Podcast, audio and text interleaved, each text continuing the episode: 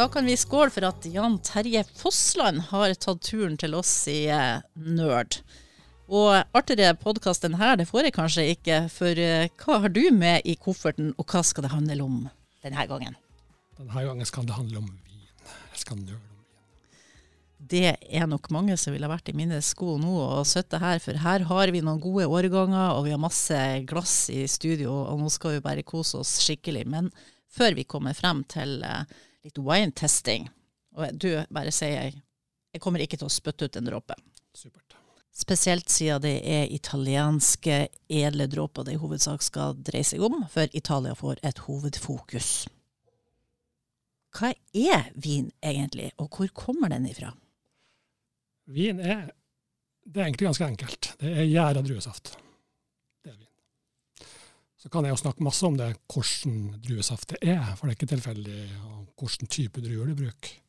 Du må nemlig bruke en helt spesiell slekt av druer, som heter vitis vinifera, som gir beste vinene. Så sånn sett så er det gjæra saft av vitis vinifera-druer. Men jeg snakker om cabernet sauvignon, nebbiolo, barbera. Det er vinifera-druer. Da er det mer kjent for folk, kanskje. Det her å lage vin, det begynte vi ikke med i forrige uke. Det er en stund siden. Det er jo noe som har fulgt mennesket. 7000-9000 år har de bevis for at det er et lag av vin.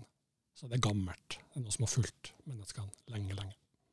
Nå skal jo vi inn på Italia, som nevnt. Men eh, kan vi ellers si noe om eh, hvor er de typiske vinområdene? Hvor er pålene i vinens historie? Pålene er jo først og fremst eh, Midtøsten. Det var der det starta, med en mann.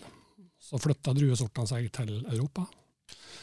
Så Europa er jo på en måte det som kalles den gamle verden, den klassiske vinverdenen. Det er der man har laget vin lenge, lenge. Siden de kjente nedskriftene fra middelalderen. Vel, det vet man bevist at her ble det laga kvalitetsvin tidlig. Eh, Så har den jo spredt seg til hele verden. Men det som er viktig, er at vin lages i to soner, på den nordlige og den sørlige halvkule, der det er årstider. Vinplantene trenger årstider for å gi frukt, kan man si på en enkel måte.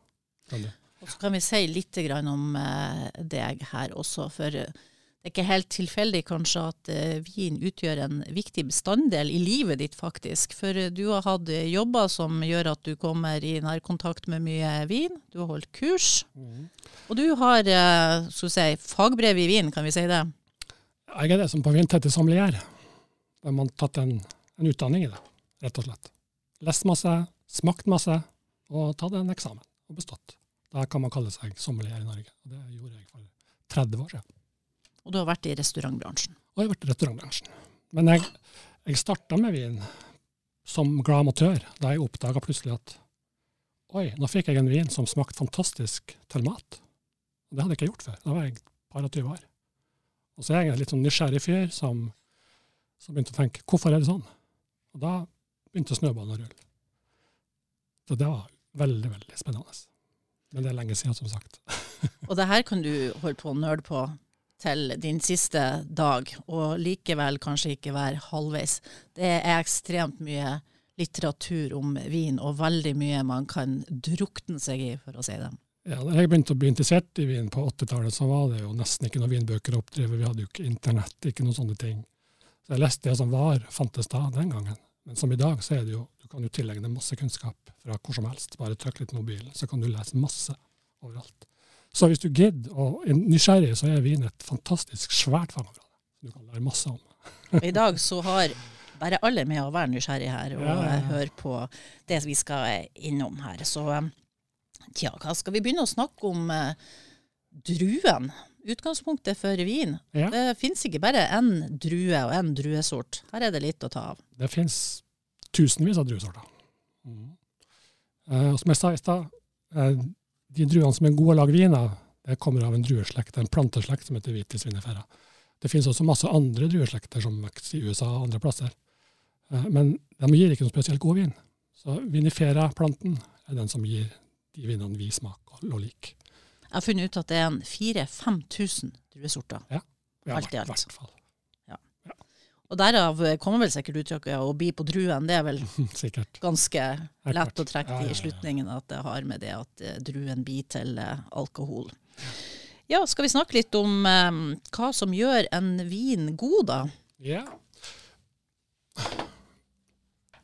Jeg pleier å si at, Altså, det, er noe som heter, Nå skal vi nerde litt. For nå skal vi snakke om noe som heter smakslikevekt. Det Feel free, sier jeg. Det høres veldig komplisert ut, men det er egentlig ikke det. For vin, hvis man skal si hva vin består av, det er jo litt viktig å vite, så er det egentlig jo litt skuffende enkelt. For det, vin består jo mesteparten av vann. Kanskje 80-85% vann. Og så er det en dose alkohol i varierende mengde. Men så er det komponentene som består av eh, farge for rødvin og aromastoffer, aromakomponent. Det er jo det som gjør vin til vin, egentlig. Ellers hadde det bare vært en blanding av vann og vin, og det har vært veldig kjedelig. Vann og alkohol. Det har vært veldig kjedelig. Men um, den aromakomponenten det er jo det som bestemmer hvordan vin blir, og hvordan vin smaker. Så det er litt interessant å forske på. Um, man har jo analysert vin tvers igjennom, og det, en kraftig rødvin er kanskje den mest komplekse væsken nest etter blod. Består opptil 2000 ulike kjemiske stoffer. Så en flaske vin det er et lite kjemilaboratorium. Det er mye forsk på. og så er det forskjellige vintyper. Vi har uh, sterkvin, rødvin, hvitvin, rosévin. Ja. ja. Mm. Og de har jo sine forskjeller, selvsagt. Det er klart. Og nå er det kanskje dem som tror at uh, Italia er skikkelig eh, nerdete på rødvin kun, men det viser vel det nå at nå er hvitvin på full tur eh, opp der av en eller annen grunn ikke jeg vet, men det vet kanskje du? Nei, Det har litt med trender å gjøre, tror jeg, i smak. Altså, Det ser man generelt i hele verden der det drikkes vin. Det at hvitvin drikkes det mer og mer av. Og det har litt med, med trender i forhold til eh, helse, kanskje. Altså Man ønsker litt mer lettere viner, kanskje ikke så mye alkohol. Eh, vi kommer kanskje tilbake der med, med hvordan klimaet påvirker vinproduksjonen. Men det, eh, I dag kan du lett lage kraftige rødviner som holder 15% alkohol. Det var ikke mulig for 30-40 år siden. For at det er blitt så mye mer sol og varme som, som hever sukkernivået i, i, i druene. Jeg skjønte sånn at det egentlig så går vinforbruket litt ned i Italia, mens i Skandinavia så tar vi totalt av på vin. Ja, så Frankrike, Italia, de her vinproduserende har jo kjørt mye kampanjer for å få ned alkoholforbruk. rett og slett. Det har litt med det å gjøre, tror jeg. At man kanskje... Det ble for mye av det gode? Litt for mye av det gode, kanskje. Litt både, til, litt, både til mat og litt utenom. Så blir kanskje summen litt for heftig. det er jo litt rart kanskje, da, for at en tenkt på eh, forbruk og eh, det å holde klasse når man drikker, så ser jeg jo for meg at eh, de kontinentale og italienerne og franskmenn og sånn holder en bedre stil ofte enn vi i Skandinavia når det kommer til å nyte et glass eller fem. Så, som, som, Italia, eksempel. Det er jo et fantastisk land i forhold til vin og mat. Det dyrkes vin overalt i Italia. Fra nord til sør. Fra Sicilia helt opp til Piemonte. 20 regioner, og det er vel vin i de fleste? Om alle, ikke alle? Alle lager vin. Og det er det alle. eneste landet i verden som der alle de på en måte all, hele landet lager vin. Um, og så er det veldig knytta opp til den matkulturen de har i de ulike regionene. Så for italienerne så er jo mat og vin det viktigste. Altså det er helt naturlig for dem å drikke vin til mat. Kanskje ikke like naturlig for oss, for vi er ikke vokst opp med den kulturen. Så for oss er vin kanskje mer et nytelsesmiddel generelt sett. Men jeg har alltid vært veldig fascinert når jeg sa at jeg opplevde at en vin smakte utrolig godt til mat. Og da jeg begynt å bli nysgjerrig på det. det. Så for meg er vin veldig matrelatert. Så er det noe med vin i hverdagen som de kanskje har hatt, som vi ikke har hatt. Vi har vin i helg. Og det har også mye med det at det skal være en lagspiller og en, eh, et følge til maten. Vi tar, jo, vi tar jo både pose og sekk, vet du. Så vi har begynt å drikke vin i ukedagene til mat, og så har vi fortsatt å ta en god fest i helga. Ikke sant? Det er derfor kanskje vinkonsumet går ja, vi må se om vi må skjerpe oss der eller ikke, at vi finner den sunne balansen da. Men balanse handler også om miljø, og det sa du i stad, det har du lyst til å snakke litt om. For miljø og klimaendringer, det påvirker også vinproduksjon og vinprodusentene. Mm. Helt klart. Eh, hvis du får besøke en vinprodusent i Italia nå, så er det et tema som garantert kommer opp. Og det er de endringene som skjer i klimaet. Eh, for vår del så har kanskje de klimaendringene som har vært her, bare vært et gode. Vi har fått litt kortere vintre, litt varme somre, kanskje litt sånn her. Men, men, for dem så er det store utfordringer. Vinplantene er veldig sensitive for økt temperatur. Så la oss si at temperaturen går opp en halv grad i løpet av vekstsesongen. Så betyr det utrolig mye for hvor mye sukker de står med når de skal begynne å høste i druene her. Slik at balansen i vinen, jeg snakka om smaksbalanse i stad. Altså alkohol, syrlighet, eh, andre ting som, som balanserer vinen det påvirkes i stor grad av, av temperatur. Så det blir nye utfordringer for dem i måten de lager vinene på. Men Kan man si at det er en trussel for uh, vinproduksjon? Ja, det er det. Det er mange områder nå, kanskje spesielt i Spania, Sør-Spania, der man sier at det er nesten ikke mulig å lage vin her lenger. Du klarer ikke å lage god vin. Eh, områder som før, der det var forbudt å, å vann, f.eks., kunstig. Nå har de begynt å tillate det, fordi det blir altfor tørt. Jeg var i um, Nord-Italia i fjor sommer, i Piemonte i juli. Altså, der hadde de ikke regn på fire måneder. Temperaturen lå på 30 grader hele tida. Og det er ekstremt for dem, som er vant til mye mer sånn kjølige somre. og Helt annerledes enn det som er nå. Så um, hvis du forteller en vinbonde om at nei, klimaendringer det skjer vel ikke, så blir du utflirt. For det skjer der. De er midt i det. Det er store utfordringer. Det er kanskje litt trist for deg å se som er så opptatt av vin? Nei, det, Grensen flytter seg nordover, da. det, det vil ikke for at du begynner med vinranke og eh, egne rader her der vi høster inn druer til eh. Ja, se f.eks. England. For 20 år siden så lagde de litt vin i England, men det var dårlige greier. Nå lager de fantastiske vin i England. Og det er ene alene pga. temperaturen har blitt høyere. Ja, når du nå sier det, muligheter for å eh, begynne med vinproduksjon i Norge. Finnes det i det hele tatt vinproduksjon i Norge? Altså det jeg husker, det er norsk rødvin på polet, og det skrekk og gru. Det er vel eh, mange som aldri vil tilbake til eh, de tidene. Jeg sto en gang i polkø den gangen det var sånn, ikke sånn sølvbetjening, men sånn disk borti Ranheimgata. Så var det en kunde foran meg som sto og sa han at han skulle ha en flaske norsk rødvin. Så sa eh, karen bak skranken at nei, beklager, det har vi ikke. De kalles bare norsk rødvin. Han er jo spansk eller sørfransk. Det var det som var eh, norsk rødvin. Bare en miks, en sammensatt merke på en måte, for folk skulle være litt trygge på hva de fikk. Så sjelden veldig bra. De sa det noen ganger kunne han være bra. Nei, han var ikke det. Et eneste stort, svart kapittel som vi bare kan uh, glemme. Men igjen, er det noen muligheter for at noen kommer til å produsere god norsk uh, rødvin? Har du trua på det? Ja, det kommer til å skje.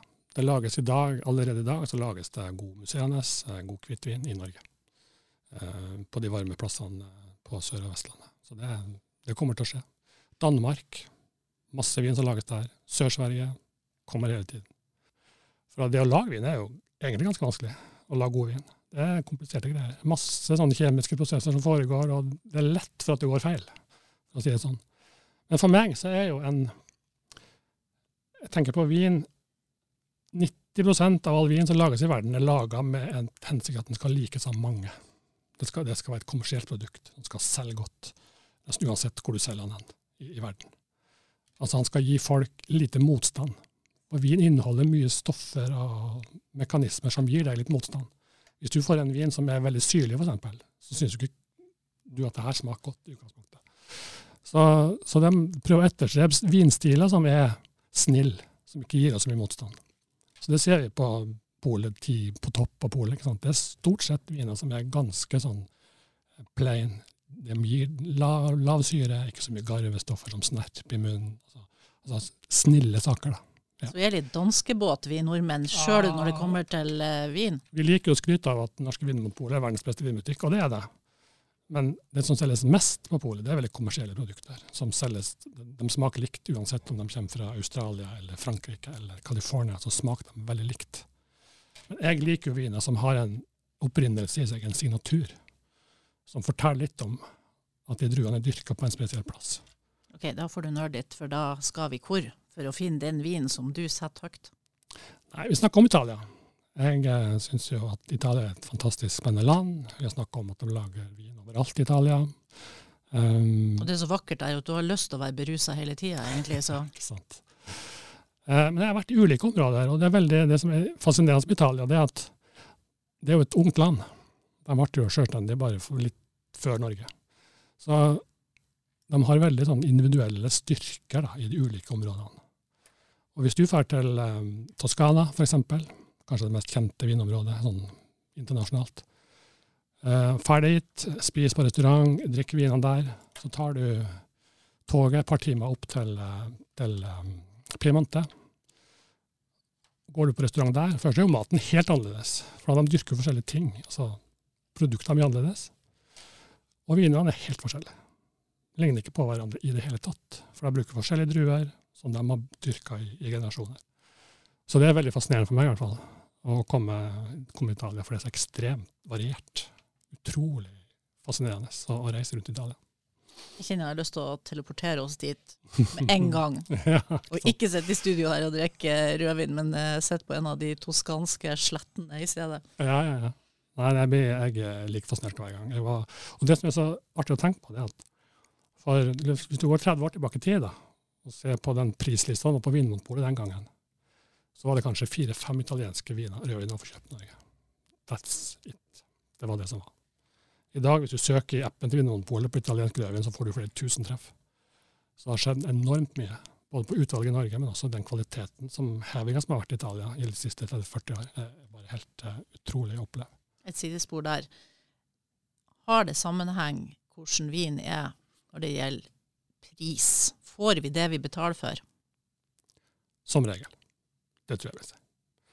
Men samtidig så handler det jo om nyanser òg. Det er jo ikke gitt at, at du, du, du, er interessert i vin, glad i vin, men du er en amatør, kanskje?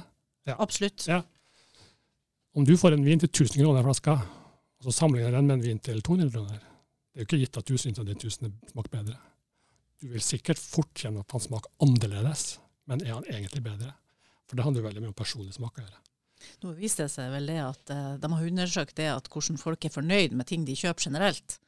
Og jo mer de har betalt for det, jo mer fornøyd er de. Ja. For de skjemmes over eget forbruk. at da, eh, da må de i hvert fall være fornøyd, siden de har mm, lagt så mye ut. Det er vel kanskje sånn med vin, muligens. Jeg vet ikke. Nei, det er litt forskjellig fra person til person. Jeg tror jeg opplever ofte at folk har fått en veldig dyr vin i gave og smakt den på den. Nei, det var ikke noe spesielt bra.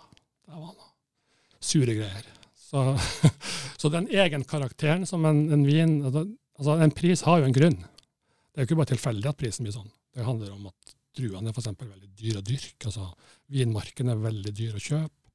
Eh, de bruker ganske avanserte metoder. De bruker nye eikefat eksempel, som koster veldig mye per fat. Så det er mange ting som fordyrer en prosess å lage en vin, som da påvirker prisen.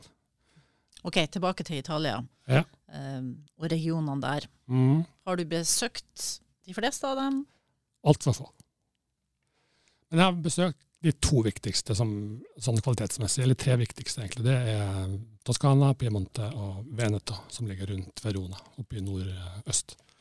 Så kanskje de mest kjente områdene i Norge òg, der du får eh, et utrolig utvalg av vin. Så um, jeg reiser først til Toskana. Utrolig fascinert med en gang. Det ble det sånn love at first sight, egentlig. Veldig, veldig, veldig Både folkene i Italia er utrolig neppa.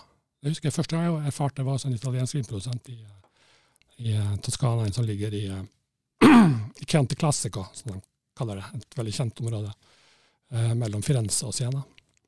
Og besøkte en fantastisk produsent som lager noen av de beste italienske vinene. Helt sør i Chianti Classico, i en liten kommune som heter Castagno Beredenga. Og kom dit.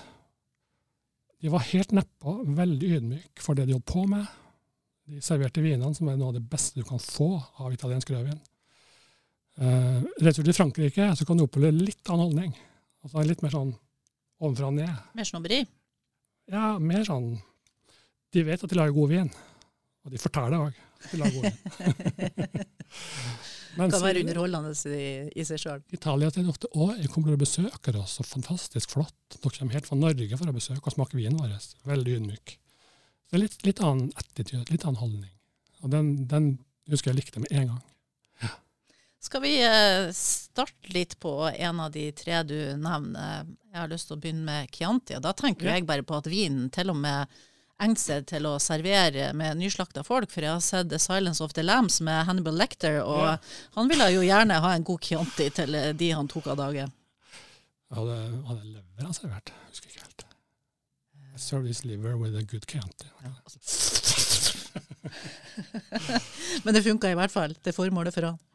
En av grunnene til at jeg liker vin fra Chianti, er jo at det er matviner. Vi har snakka om det før. Jeg er veldig fascinert av hvordan vin påvirker mat, og mat påvirker vin. Og gjør hverandre bedre. Og Det er jo litt sånn i forhold til det å ha en interessant og god vin. så føler jeg at Hvis vinen ikke hever maten noe, så, så er den litt, litt uinteressant. Litt som et gjennomsnittlig ekteskap, sånn som Ja. vi vil at det skal være, at vi skal gjøre hverandre bedre. Det er jo noe som bare sklir forbi, uten å gi, gi, deg noe inntrykk. Eh, men føler jeg at jeg tar en slurk vin, jeg har spist en, en matbit, og sånn Wow, det her var fantastisk godt i lag. Og da trenger ikke jeg å forske så mye på hvorfor det ble sånn, men jeg gjør det likevel. da. For det- Du er nerd. Ja. Ja. Hva er det som eh, gjør Chianti så spesielt? I Chianti så bruker de stort sett én druesort. Veldig enkelt å forholde seg til. Det er en blå drue som heter Sangiovese. Du har blå og du har grønne druer. Viktig å holde styr på. Skal du lage rødvin, så må du ha blå druer. Eh, Du kan også lage hvitvin av blå druer. Skal du lage hvitvin, så er det stort sett grønne druer som brukes. Men Sangiovese den har den karakteristikken, egenskapen, at den, har, den er litt sånn tøff. Den har litt garvestoffer, den gir deg litt motstand i tygget, den har ganske mye syrlighet. Og mange syns at de tar en slurk eh, god Sangiovese som jeg serverer dem, så sånn, ja, han har litt, litt heftige saker. Det var ikke så veldig bra. OK, får du et litt saftig kjøttstykke til, tar slurken akkurat samme vin. Wow! Det ble noe helt annet. Det er Kan, komposisjon. kan ikke sammenlignes. Så det, det er jo meg nysgjerrig på, på de vinene her. Um, jeg har lyst til å flytte meg litt opp i Piemonte. OK, Går det bra, det? det går fint. Hvis Ja. jeg ikke er så dyr billett, så Nei, det er veldig kort. kort vei. To timer tog. To timer bil. Ja, det overlever. Ja, Der var vi. for at når det har gått noen år, så får jeg dit. da Der er det mer komplisert, for der har de fire-fem forskjellige druesorter de bruker, som er veldig bra. Både blå og grønne druer.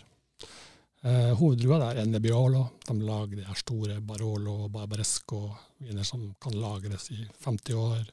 Som er noe av de tøffeste vinene du kan smake, for det er så mye garvestoffer at du føler at taleevnen bare forsvinner. Tunga setter seg fast oppi ganen.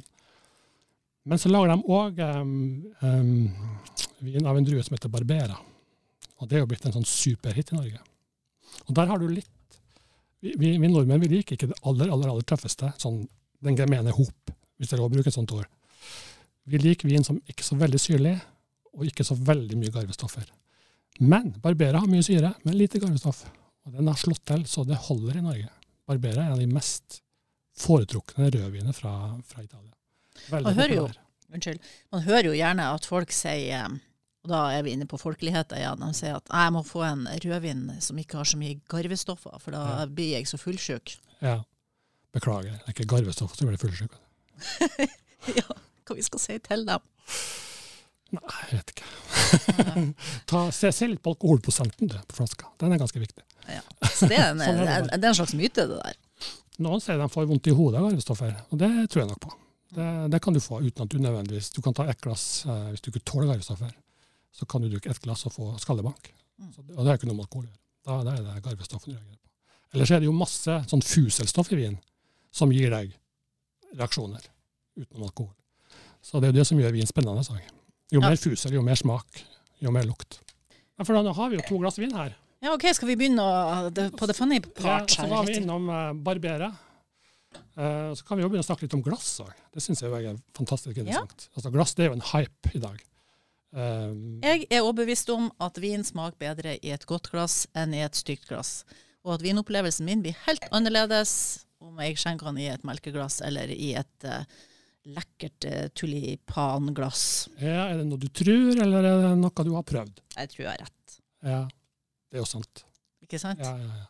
Visste det. ja. Ja. Hva kan vi si om glass? Nei, I utgangspunktet så syns jeg et godt vinglass bør ha en sånn en gammeldags betegnelse, da, men du sier at det er tulipanforma, dvs. Si at det, det er bredere nederst enn det er øverst, så at det smaler inn. Det, det er en god regel. Jeg er ganske lik vinglass, egentlig. Ja. Men så, nå er jo glass blitt en, en vitenskap i seg sjøl. Så det lages utrolig mye veldig veldig gode glass som ser fine ut, i tillegg til at de er gode å servere vin i. Uh, før, så, før i tida så var det glassdesigner som ikke bestemte hvordan glass skulle se ut. Og han tenkte ikke på vinen, han tenkte på det kun det visuelle. Men nå er det heldigvis en kombinasjon. Så nå lages jo glass gjerne i samarbeid med vinfolk. Det er en sånn kulturell ekspansjon av eh, vinbegrepet, egentlig. Ja, Jeg syns det er veldig artig at man tenker på glass og design, og at det Ja. også inngår i, i presentasjonen når man skal spise og sånn. Det, det er med på å løfte, for min del i hvert fall. helt klart. Men du har to glass her nå, og det er samme vin. Det er samme vin. Det ene glasset er, det er en sånn kombinasjon av en veldig veldig vinfaglig person, som er- heter Jancis Robinson. Hun kalles for the queen of masters of wine, og engelsk, jeg holdt på i på å men mannsalder, damealder. Ja. Eh, veldig, veldig dyktig. Hun var forresten på en podkast med, med Thomas Giertsen og for 14 år siden i Norge. Hun har konstruert, eller laga et glass sammen med en veldig kjent eh, glassdesigner. Hun kaller det for universalglass. Det betyr at etter hennes mening så er all vin bra i det glasset. Du trenger, Satt på spissen trenger du ett glass, og det er det glasset her. Um, så har jeg skjenka opp en Barbera fra, fra Piemonte i det glasset, og samme vin i et litt mindre glass, som jeg liker veldig godt. Det er et sånn stødig glass fra produsenten Riedel i Østerrike, som lager veldig gode glass, syns jeg. Men så er spørsmålet er det forskjell her. Mm. Det, det er veldig gode glass begge to, men er det da Jeg kunne selvfølgelig valgt et glass som ikke var tulipanforma, som svingte ut på toppen. og Da ville du garantert kjent forskjell, men her er det litt mer sånn nyanser. da. Ja. Så, så er det jo hvordan glasset holder i hånd, hvordan det, hvordan det ligger sånn balansemessig. Mange ting som spiller inn. Nå tar jeg eh, det minste glasset. Ja, Jeg er stor fan av sånne her gigasvære glass. Jo Mm. større vinglass, jo mer koser jeg meg. ja. Det der er et lite glass, Ja. relativt sett i dag, er det dagens målestokk. Men jeg syns det er et greit greit allround-glass. Nå sitter jeg og eh, sirkulerer vinen i, i glasset. Snurper på Ja, det er bra. Du har lært det der. Ja, Og så syns jeg det er koselig. Ja, ja. Men det du gjør da, det er at du øker overflaten på vinen, og du får mer duft ut av glasset. Det er derfor enn, vi gjør det. enn om du ikke gjør det. Mm. Det er veldig viktig. Og så, Nå skal jeg prøve å gjøre en annen ting som jeg ser at dere gjør, dere vinfolk. Ja. Dere liksom trøsk nesegrevet skikkelig ned i glasset, og så Nei, ikke det. Gjør dere ikke det? Jeg, Var det ikke vinkjennere jeg så? jeg gjør ikke det. Nei. Skal jeg ikke lukte oppi glasset? Du skal bare sniffe litt på kanten. Små sniffing. Holder Hold glasset litt på skrå, gjerne. Ja, OK. Men nå smakte det jo bare sånn kjedelig. Ok, Skal jeg, Um, Du prøvde jo ikke vin ordentlig. skal jeg smynne sjøl, liksom? Ja, men kan du fortelle noe om vinen? Jeg syns at den er Da prøver jeg å late som at jeg kan like mye som det. Jeg syns den er fruktig, Ja, med en viss tyngde. OK. Vil tenke at den kanskje går godt ved sida av kjøtt. Mm. Men nå sier jo du at du, det er mye sånn allroundere, at de skal passe til hva som helst. Men jeg tenker at eh, en kjøttrett ville gått god til den her. Samtidig er den tilgjengelig. Men du, send det på meg. Ja, OK. Nå jeg det andre glasset her. Mm. Eh, Francis Robinson-glasset. Nå skal jeg også vise deg hvordan man egentlig bør smake på vin hvis du virkelig skal ha noe ut av den. For at det du skal kunne si om en vin La oss si at du ikke vet hva det her er for noe. Du får den servert blindt, som det kalles. Så kan du prøve å beskrive vinen, og kanskje prøve å gjette på hva de kommer fra. Det her er sånn som du kurser folk i, at de skal få et sånn vinvokabular. Helt klart. Ja. Ja. Og da må du jo smake den her.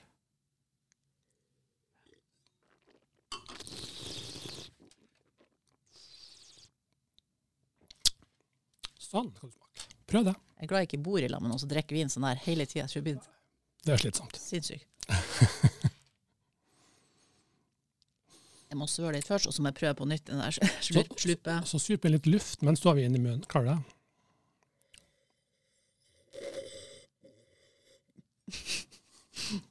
Den ble ikke så elegant som du gjorde det. Det er faktisk en kunst bare det å, å skal smake rett. Men kjenner du at det ble annerledes å smake på vinen? Ble den annerledes enn den var i stad? eh, det var akkurat sånn utvida seg litt. At den, eh, smaken vi, vi, vi, videre i, i munnen, hvis Ja. det går an å si det. Ja, klart. Mm. Ja. Og så får du med deg et smakssenter du har i, oppi nesen, altså som, som trer i kraft. Og det, det er litt viktig. Så du må alltid du, Man skal ikke sitte og slurpe sånn her for hver slurk. Nei. Men første slurken, bare for å få litt ordentlig inntrykk av hvordan vin egentlig er. Har han lang ettersmak? Er han veldig syrlig? Har han masse garvestoffer i seg? Sånne ting. Delvis tørr kan jeg Han tørr, ja. mm. Jeg kjenner at tunga begynner å Lite grann. Kanskje du blir den første i verden som får meg til å holde kjeft. Kork i vin, er det krise, det? Det er krise. Da er det bare å levere flaska tilbake. Ja. Få ny. Det skal vi ikke skjemmes over hvis vi gjør Nei, ute på restaurant. Det er dessverre et økende problem. Ok, hvorfor det? Jo, for at Naturkork lages jo av barken av et tre. Og tilgangen på god eh, korkeik blir mindre og mindre. Så Det begynner å bli en del sånn kunstige korker, går det an å si det? Eh, Påvirker det vinsmaken? de kunstige påvirker vinsmaken hele tatt. De er nøytrale. Det er jo en fordel med dem. Så fordelen med en, eh, en naturkork er jo at han puster litt, at han har, gir litt lufttilgang. Veldig, veldig veldig lite. Men, eh, så du kan lagre vin med naturkork. og vin blir bedre ved, ved lagring. Da. Ja, Kjenner du noe mer duft der? Annerledes duft? Jeg syns Jeg syns på en måte at uh, jeg lukta mer i stad Ja. på det mindre glasset enn det store. Men det skal jo ikke skje. Nei, og kanskje ikke nødvendigvis, for det er den vinen du har i glasset. Er det kan også være at nå har jeg lukta og smatta så mye at det kanskje tar bort litt av det litt nummen. førstegangssniffet. Kanskje. Claudia ute i lager fantastiske viner. Jeg har vært der en to-tre ganger og besøkt dem. Og De er litt sånn typisk representanter for området. Veldig nedpå, veldig ydmyk, i lag. noen av de beste vinene i, i området. Så Jeg blir alltid så glad når jeg har vært der, for det, det er utrolig trivelige folk. Og de Og sa du at de var eh, søstre? søstre. ja.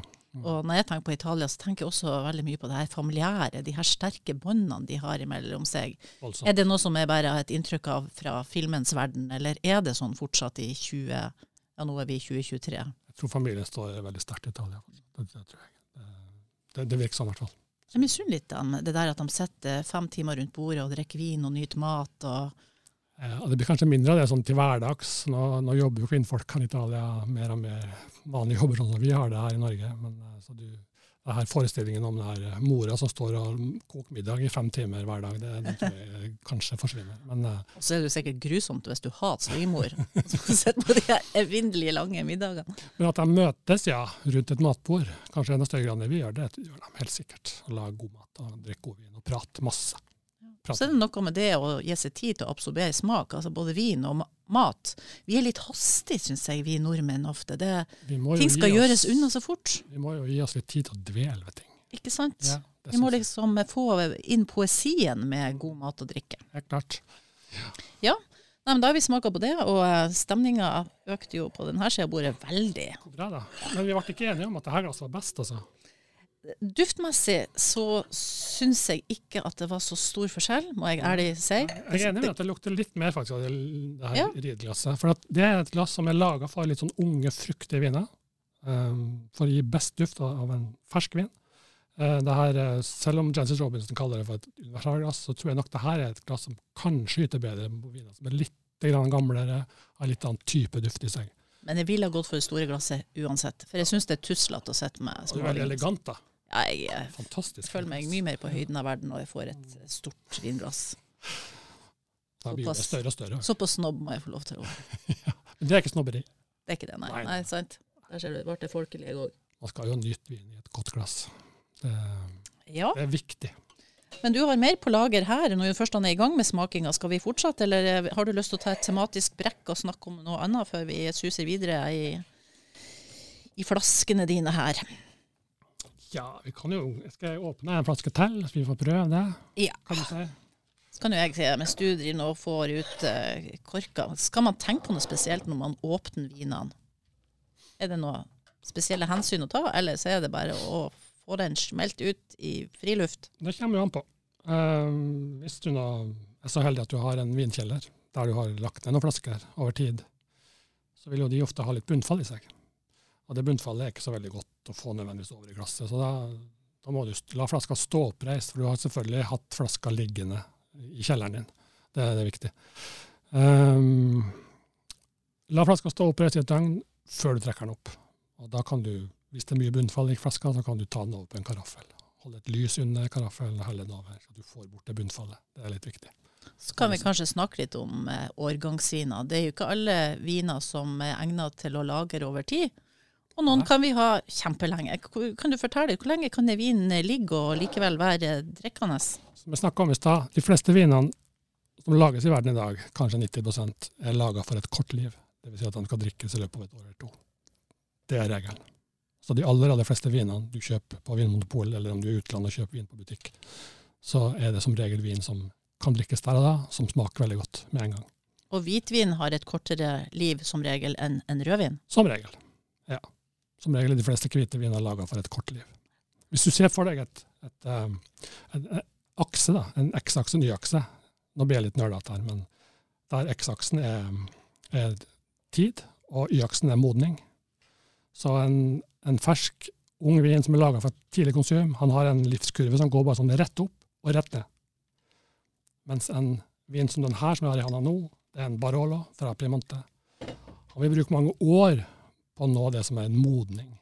Men så kan han ligge der i 20-30-40 år før han begynner å tape seg.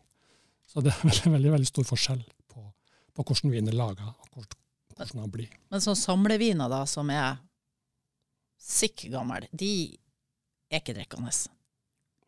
Jo, mener du nå altså lagringsviner som er 100 år? Ja. Ja, de kan være kjempegode. Så de kan jo åpne og drikke. Det kan det. Så han blir Når er de for gammel? Det vet vi ikke. Nødvendigvis. Okay. Og, jo, og jo, jo, lenger du lager dem, jo større er sjansen for selvfølgelig at de er gående. Uh, og det handler om hvordan de er lagra. Så jeg har sett viner, smaksnotat av viner som er akkurat like gammel. En er eddik, en er ikke eddik. Og det handler om at den ene er lagra veldig veldig bra, perfekt, mens den andre ikke er det. Så temperatur, sånne ting, at den ikke lages for varmt, er jo kjempeviktig. Vi som er vanlig dødelige, vi er jo ofte opptatt av at nå har jeg åpna ei flaske vin. Mm. Eh, hvor lenge kan hun stå og likevel være drikkende? Kommer an på hvor mye du har tatt, selvfølgelig. Så jo mye luft det er i flaska, jo fortere går det over. Det er Mm. ren kjemi. Den oksiderer, det kalles. Men uh, godt tips. Korko den i kjøleskapet. Uansett om det er rødvin eller hvitvin, så sett flaska i kjøleskapet, for der holder den seg lengre. For at på lav temperatur så går de kjemiske prosessene mye saktere enn 25 grader. Du hadde jo med deg noe, så jeg tenkte jo et øyeblikk at det var en lege som kom og at det skulle opereres i denne Mm. podkasten. Men uh, det er ikke det. Det er et verktøy for å ta vare på vin. Ja, ja, på en måte er det jo det. Det er et verktøy som gir deg muligheten til å ta et glass av en flaske vin uten å åpne vin. Du lar korka sitte i. Ganske snedig. Som ei sprøyte nesten, du. Det heter koravin. Det setter du på i en vinflaske. Kan du åpne med den? Stikk ned en nål i flaska. Og det som er innebygd i apparatet, er at den inneholder en patron med argongass. Så du kan tappe ut litt vin av glasset, og så forsyner apparatet vinflaska med litt argongass i stedet for oksygen og luft. Og det beskytter vinen. Legger seg som et beskyttende lag. Du, Når det kommer til eh, synd og skam, som eh, gjerne kan følge i kjølvannet til vin, så har jeg jo skjønt at da skal vi jo som alltid til kirka. Der starter jo alle jævelskapen. Jeg har skjønt at i begynnelsen, når man begynte med vin, så var det munker sånn som Ja, ja, ja, tilvirka det her. De var jo fantastiske. Så vi skal takke eh, Gud og kirke for at vi kan eh, kose oss med god vin. Takk den katol katolske kirke, vil jeg merke. Det er viktig å presisere. Skal vi, skal vi si takk i lag? Takk. Her. Ja. Det tåler vi.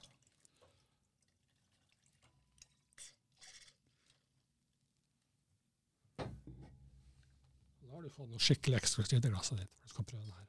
Dette er en, eh, en Barolo.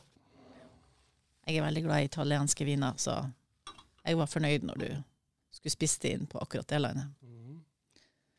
Jeg er opptatt av eh, etikettene ofte. Jeg handler av og til fordi at de har en fin etikett. Er det noe som legges mye fokus i? Vet du noe om det? Ja, det legges veldig mye fokus på det. Ja. Altså, jeg har en kjenning som, eh, som sier at hun kjøper eh, vin etter etikett. Det var en fantastisk fin etikett. Da er det kanskje en god vin.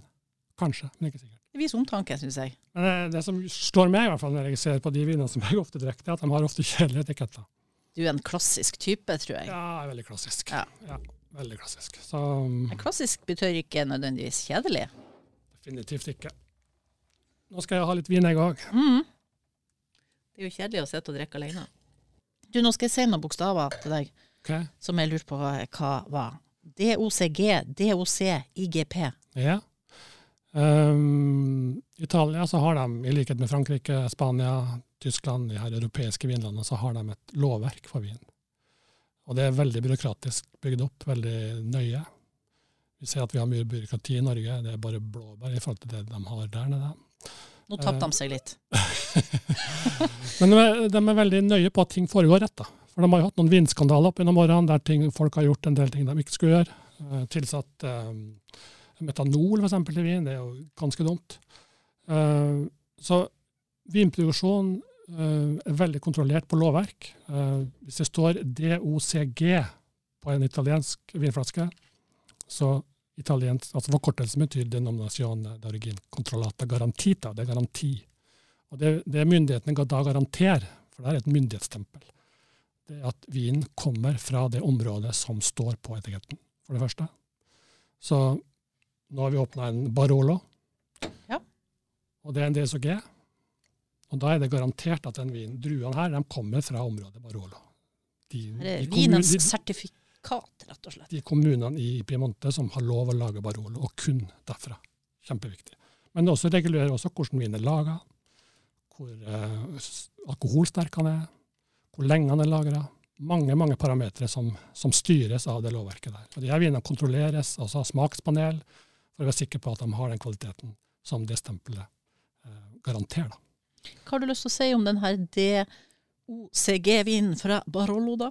Ja, Barolo er laga av kun en drue, Nebbiolo.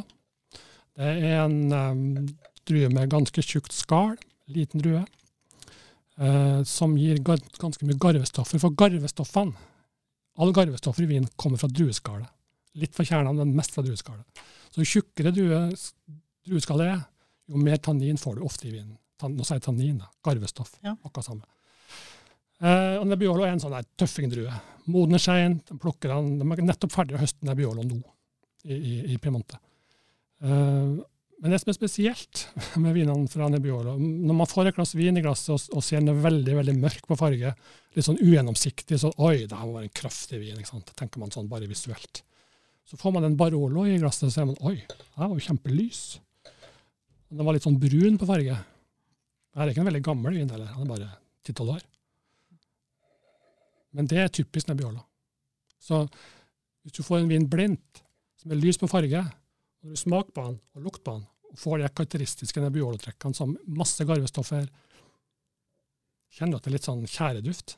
Ja, jeg skulle, si, jeg skulle til å si røyk, egentlig. Det, det minner meg om sånn røyk ja. og ja, litt barker, eller litt mm, sånn. Mm. Men du, eh, blir det litt eh, er det litt i overkant når dere begynner å snakke om vin som eh, smaker asfalt, og innslag av eh, tre innerst i kleshengeren din og så videre. Det er mye rare beskrivelser når man skal beskrive vin. Vinbeskrivelse er jo et fag, kort og godt. Man lærer seg jo det. Når man blir sommelier eller man tar master wine, så lærer man seg å beskrive vin. For det er kjempevanskelig. Det, det er ikke noe man lærer seg sånn der. Det er kjempevanskelig. Dere kvinnfolk er jo mye bedre å beskrive vin enn mannfolk generelt. Den påstanden, og den holder vann. For dere er mye mer opptatt av lukter. Tror jeg. Stemmer det? Jeg får bare si ja, for å henge med her. Det er veldig individuelt, kanskje, men eh, ja, vi er kanskje mer sanselige, og dere er mer pragmatiske ofte. Tror dere det. Litt mer sånn teoretisk tilnærming, kanskje. Nei, nydelig, er, nydelig, nydelig, vin, det her òg. Har du smakt på den? Ja, jeg, jeg, var så grådig at jeg har tatt hele ja. første slurken. Ja, tar en slurk til, og så har du den litt i munnen, og ruller litt rundt, super litt luft. Har en dråpe igjen her.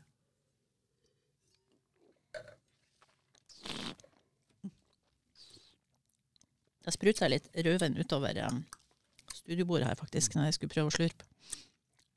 Det gikk bra. Jeg må øve i helga, det merker jeg. Men hva du sitter igjen med, da? Du har smakt ordentlig på den. Kjenner du at du blir ganske tørr i munnen, hva? Mm. Mer enn på den ja. barbereren. Enda den er helt fersk. Den her har ligget i ti-tolv år. Du sa det at det var veldig stor forskjell mellom vinene fra de ulike regionene. Mm. Jeg syns jo at de begge har, selv om den her er mer sånn røykaktig, som jeg sa, mm. så syns jeg også den har et fruktpreg. Ja, ja. Mm. En vin uten frukt er helt uinteressant. Ja. Den er kjedelig. Da pleier jeg å si at nei, den har ikke frukt i seg. Da er den egentlig ganske død. For da har han blitt for gammel. Mm. Frukten er på en måte litt av ryggraden i en god vin. Det skal være en fruktsmak, fruktduft av en god vin. En vin uten frukt er ikke en ordentlig vin, men kan jeg spørre deg da, hva er et liv uten vin? Hva om at noen har kommet og frarøvet deg all vin i verden? Hvordan har det vært? Hvor mye betyr det her med vin for deg? Det er jo en teoretisk problemstilling, men um... ja, Vær nå med litt her. Jo, jo. Det har jo blitt forferdelig trist, syns du jeg, da. Uh, Altså, jeg har sagt flere ganger nå at vin og mat noe som hører i lag til meg. Det er det som er greia. Og hvis jeg plutselig begynner å slutte å drikke vin til, til god mat, så mister jo en viktig dimensjon. Helt klart. Så det, det, håper jeg aldri skjer. Hvordan er det å være i Du er jo med i vinklubb og har ja, vært det i, i, mange, mange år. Men hvorfor bør et menneske bli med i en vinklubb? Hva, hva er lokkemiddelet her? Dere sitter jo og spytter ut vin. Vi har jo, nei, nei, nei. nei. Det er bare jeg som spytter. Ok, de andre er Jeg skal jo snakke litt fornuftig rundt, rundt et tema. Da må jeg ha litt, litt, litt styring. Nei da, vi har holdt på i 33 år med Mo vinklubb, så det er jo en, en eh, gammel forening. Men uh, det vet jeg jo at det finnes jo masse sånne lokale vinklubber rundt i sånn uoffisielle vinklubber, som kaller seg vinklubb. Og møtes, kanskje kjøpe inn noen felles flasker vin, og så smaker de på det og diskuterer det. og Det er jo kanskje, det er jo, det er jo viktig at folk har en sånn møteplass på, på vin. Skal Hvorfor skal vi bry, bry, oss om det her? Hvorfor skal vi være med i vinklubber? Er det, ja, er det viktig på noen måte? Du må være litt nysgjerrig. Det er jo en forutsetning. Hvis du ikke er nysgjerrig på å lære litt, så er det bortkasta. Da skal du ikke være med. Um, du må selvfølgelig sette pris på vin i forhold til å nyte sammen med folk. Uh, også det å få en vin sammen med god mat er kjempeviktig for en vinklubb. Um, så ja. Jeg leste for jeg må jo lese meg litt opp før jeg møter de her nerdene som kan mm. alt. Mm. Så jeg kan være litt idiot, men det får jo være måte på. Så leste det at italienske viner var lett å drikke, lett å forstå og lett å like. Mm. Er du enig i det? Jeg liker jo ikke sånne generaliseringer. Nei, sant. Altså, vi har om, da parkerer vi den. altså, vi har snakka om Italia nå som verdens største. Det det er det landet som lager mest vin i verden. Konkurrerer med Frankrike uh, om den posisjonen. De veksler litt på det og lager mest vin. Uh, jeg pleier å si det at Frankrike og Italia er de to landene i verden som lager verdens beste vin, men de lager også verdens dårligste vin. Spekteret er enormt. Altså En enkel landvin på sletta nede i Puglia uh, sør på Hæren i Italia kan være veldig veldig enkel, og ikke noe som vi opplever som, som noe bra vin. Men de likte jo lokalt å drikke det. Så det å si liksom, ja, jeg liker ikke italiensk vin, det blir for meg totalt meningsløst. For det er så utrolig variert. Det finnes så masse lag, masse, masse, masse, masse variabler. Mm. Så, så Nå sender jeg glasset over til deg igjen, for at uh, ja. du var så gjerrig på første klunken der.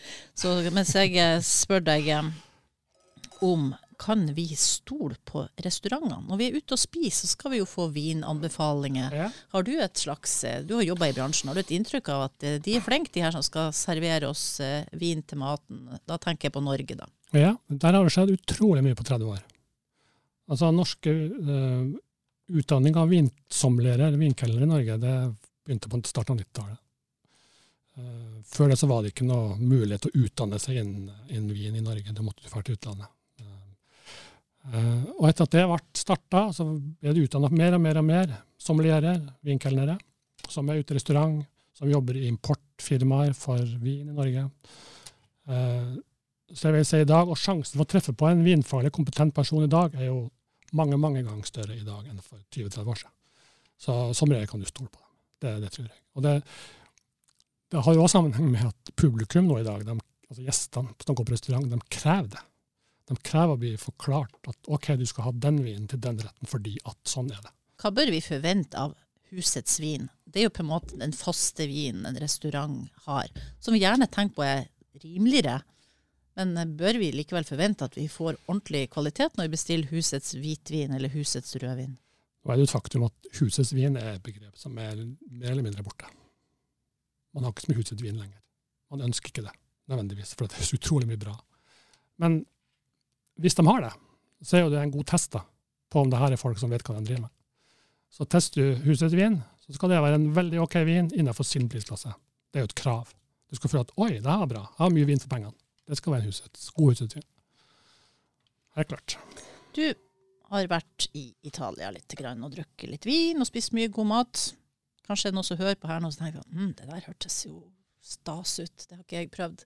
Hva man skal anbefale folk å fære hen hvis man skal ha den store vinopplevelsen i Italia, anført av deilig mat? Som jeg sa innledningsvis, jeg har vært i noen regioner i Italia. Jeg har vært på Sicilia og vært oppe i nord og i Toskana. Og, uh, og uansett så vil du oppleve det som bra. Altså det du får, er, er bra. Men hvis jeg må velge én region, da, Italia, hvis jeg må velge Det må du. Ja, så er det Piemonte. Og det er flere årsaker. For det første så er ikke Piemonte turistifisert på samme måte som eh, Toskana, f.eks. Altså, de har masse turister der, ja. Men eh, området som sådan er ikke rigga for det. Det er ganske lite små produsenter. Um, de kommer svære busser dit med, og skal besøke produsenter. Nei, beklager, vi har ikke plass til dere. Beklager, det går ikke. Så, så det de kan sjelden grad engelsk, nødvendigvis. De er ikke så godt engelsk som i Toskana, der de er mye mer kanskje proff å ta imot uh, turister. Uh, I tillegg så er det Maten syns jeg er bare helt fantastisk. Altså, og mengden mat, for ikke å snakke om. Altså, hvis du er en storspiser, så skal du dra til Piemonte. Du kan få en fireretters lunsj som er så gedigen at du tror det ikke. Og Da sitter italienere ved siden av deg, unge folk, uten et gram overflødig fett på kroppen. Og så urettferdig. Og bare spis den med litt god vin. så det er den kombinasjonen av på Piemonte er jo trøffelens eh, område i Italia, der du får hvittrøffel, svarttrøffel, sommertrøffel i ulike varianter. Eh, I tillegg så lager de utrolig god ost. Eh, de har Spesielt på kjøtt er de fantastisk gode. Så har de jo det spekteret av vin, som jeg sa. Med Nebbiolo-druen, Barbera-druen, har de en drue som heter og som er litt sånn glemt, litt sånn neglisjert. Men den er òg fantastisk bra. De lager god hvitvin, de lager også god Så Du har liksom hele, hele pakka der. Og skal du besøke Piemonte, så ikke reis på sommeren. Da er det ekstremt varmt. Reis sånn senhøstes, tidlig vår. Da får du oppleve det på en ordentlig måte, og det er mindre folk òg. Så det er fabelaktig. Mm. ja, da skal vi eh, over på en vin til, for vi har fire flasker og gjøre. Vi skal ja. ikke drikke fire flasker da. Nei, vi prøver nå bare litt. Jeg tenkte nok det i utgangspunktet, i hvert fall. Så, men vi må iallfall smake på alle. Da skal vi ned i uh, Toskana igjen. Som jeg sa, jeg tror jeg snakka litt om det innledningsvis. Første gang jeg var i Italia, så var jeg i Toskana. Og Der um, besøkte vi en produsent helt sør i Chianti Classico. Som heter Fattoria Felsina. Og der jeg opplevde italienerne som mye mer ydmyk, mer sånn nedpå enn uh, kanskje franskmennene generelt på, på vin, i hvert fall. Og, um, skal vi prøve det? Da husker jeg fikk komme ut i vinmarken deres. Det tok oss med ut. Fikk se druene som vokste der. Uh, Ranchia-vinmarken som ligger en sånn fin sånn sørvestvendt telning. Åpner en flaske vin, og så er jeg litt anstrengt i stemmen. Går det bra? Det er klart du må være uh, godt utvikla fysisk for å holde på med det her. Lang kork òg. Jeg har en vin som er litt sånn lagringsvin, som kan ligge lenge i flaska. Sånn eh, korkbiceps hvis man holder på lenge med det her. Og det er en 100 Sangiovese som jeg snakka om. Mest kjente druen der. Jeg bruker å si at folk er som en uh, god vinårgang. Vi blir bedre med årene. Det syns jeg bare er sprøyt. Ja, det er bare tull. Ja. Men vinen kan bli bedre. Det kan den absolutt. Ja, nå er jeg spent hva du får ut av den her. Smaken bekrefter bare det lukt. Hvis jeg sier litt sånn bondegård, mm. litt sånn høy, litt litt fjøs. Ja, da begynner vi å snakke. Ja. Og det er jo litt sære dufter. Mm. Kan det være bra? Men det er interessant, da. Det er artig når du kan begynne å plassere det sånn. Hvor lang tid har du brukt på å liksom komme dit at eh, både vokabularet og det å kan pinpoint hva det er det lukter, hvor det lukter fra, en slags region. Du, du, kan sikkert nesten geografisk plassere det. Nei, altså Det handler veldig mye om hukommelse. Du må ha god hukommelse for å klare å skille fra hverandre. Eh, men så må du også ha et forhold til lukt. Jeg husker han vi hadde som lærer på vinkelneren, han sa det at vær litt opptatt av lukter. Gå når du er i butikken, lukk litt på frukt. Lukt på det. Du blir sikkert sett litt rart på, men, men gjør nå det. Så Vær litt opptatt av det. Prøv å henge det på noe. Altså, Vær sanselig. Ja. Og så kjenner du at det forandrer seg. Nå lukter den ikke det samme som i stad. Nå kommer frukten mye mer fram. Hvordan skal man holde et vinglass? Det er jo mange som sier man må ikke holde opp under selve eh, glasset, for da gjør jo det til at eh, temperaturen blir ja, altså, du, går opp. Det er jo en grunn for at et vinglass har en stett. Det er jo ikke det på, på skøy. Så du skal jo holde i stetten eller foten nederst. Sånn. Men uh, du skal, skal aldri holde glasset i klokka. Det syns jeg er fy-fy. Du er 30 grader i handa, vin varmes veldig fort opp. Og en varm vin, uansett om det er en rødvin eller en hvitvin, det smaker ikke bra tommelfingerregel, hvitt 10 grader, rødvin 16. Men det er pluss-minus. Det har litt med hvordan vinen er. En søt hvitvin skal serveres kaldere. En kraftig hvitvin kan du servere litt varmere. 12-13 grader. Går helt fint. Eh, en rødvin kan du servere kjøligere jo mindre garvestoffer det er i den. Så en Barbera, vi prøvde først, den kan serveres på 14 grader. Eh, så prøvde vi en, en Barolo. Den bør opp på 17-18, kanskje. Denne Chiantin her den kan du godt servere på 16. Smaker veldig godt. Og så er det interessant å kjenne når du har tatt den i glasset på en temperatur, så vil den jo bli varmere. Da. Og da kan du også kjenne hvordan den forandrer seg. Så Jo varmere en vin blir, jo mer alkohol lukter av vinen. Og, og alle viner inneholder alkohol. Så det ene årsaken er at du ikke bør servere en vin for varmt. For da lukter de mer og mer likt. Du kan jo få alkoholfri vin. Er det egentlig godt? Som regel ikke. For det som gjør, altså, Vi snakka litt om smaksbalanse. Alkohol i vin bidrar med sødme i, i vin. Alkohol er veldig søtt. Eh, så tar du bort alkoholen, så må du erstatte det med sødme, og det gjør det med sukker. Slik at en alkoholfri vin vil ofte smake litt sånn saftaktig, for den mister den der ryggraden som alkohol gir. Som vi er vant til å smake, rett og slett. Men det finnes unntak, det gjør det. Men jeg, altså, nå har det dukka opp fantastisk mye god, god alkoholfri alternativ i Norge, altså av, av fruktjuicer og sånne ting, som er vel så gode alternativer som alkoholfri vin. Det vil jeg anbefale i større grad, faktisk. Er det lov til å smake nå? Ja, ja, ja. Kjør på.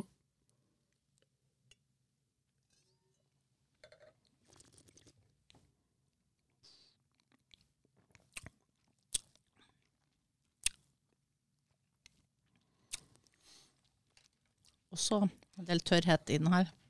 Litt karvestoff. Ganske god frukt. Men det er en helt moden kjenteklassiker. Mer sånn fyldig. Kanskje litt mer krevende enn de andre. Ja.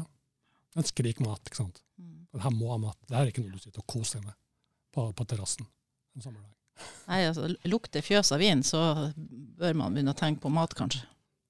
Men kjente du at smaken er helt annerledes på en måte?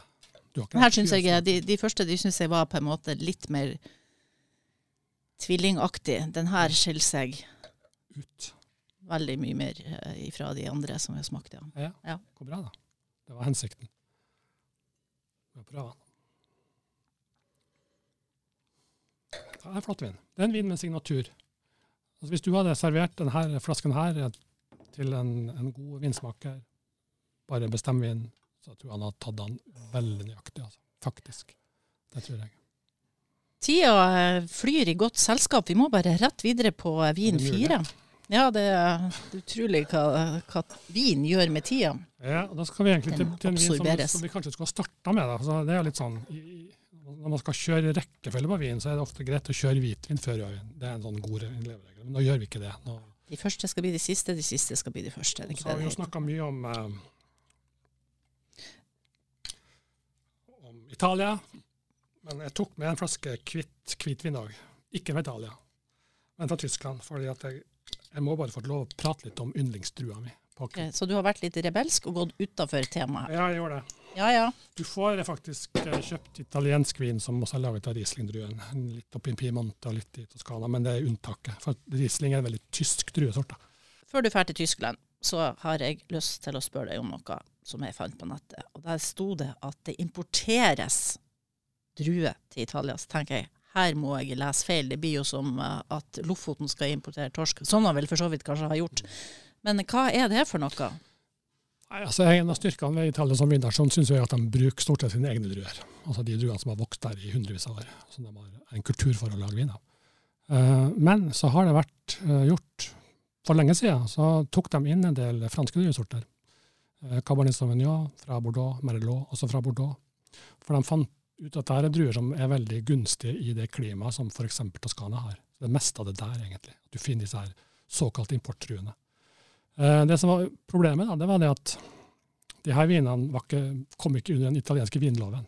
De var på en måte ikke regulert av det. De var ikke lov å bruke, rett og slett. Så om du lager en fantastisk god eh, rødvin av Cabernet Sauvignon, f.eks., i Toskana, så kunne du ikke kalle det for Chianti. Eller, altså det var, du måtte bare klassifisere det som en simpel bordvin. Men så ble det jo helt feil, da. For de vinene her de oppnådde veldig høye priser. For de var fantastisk bra.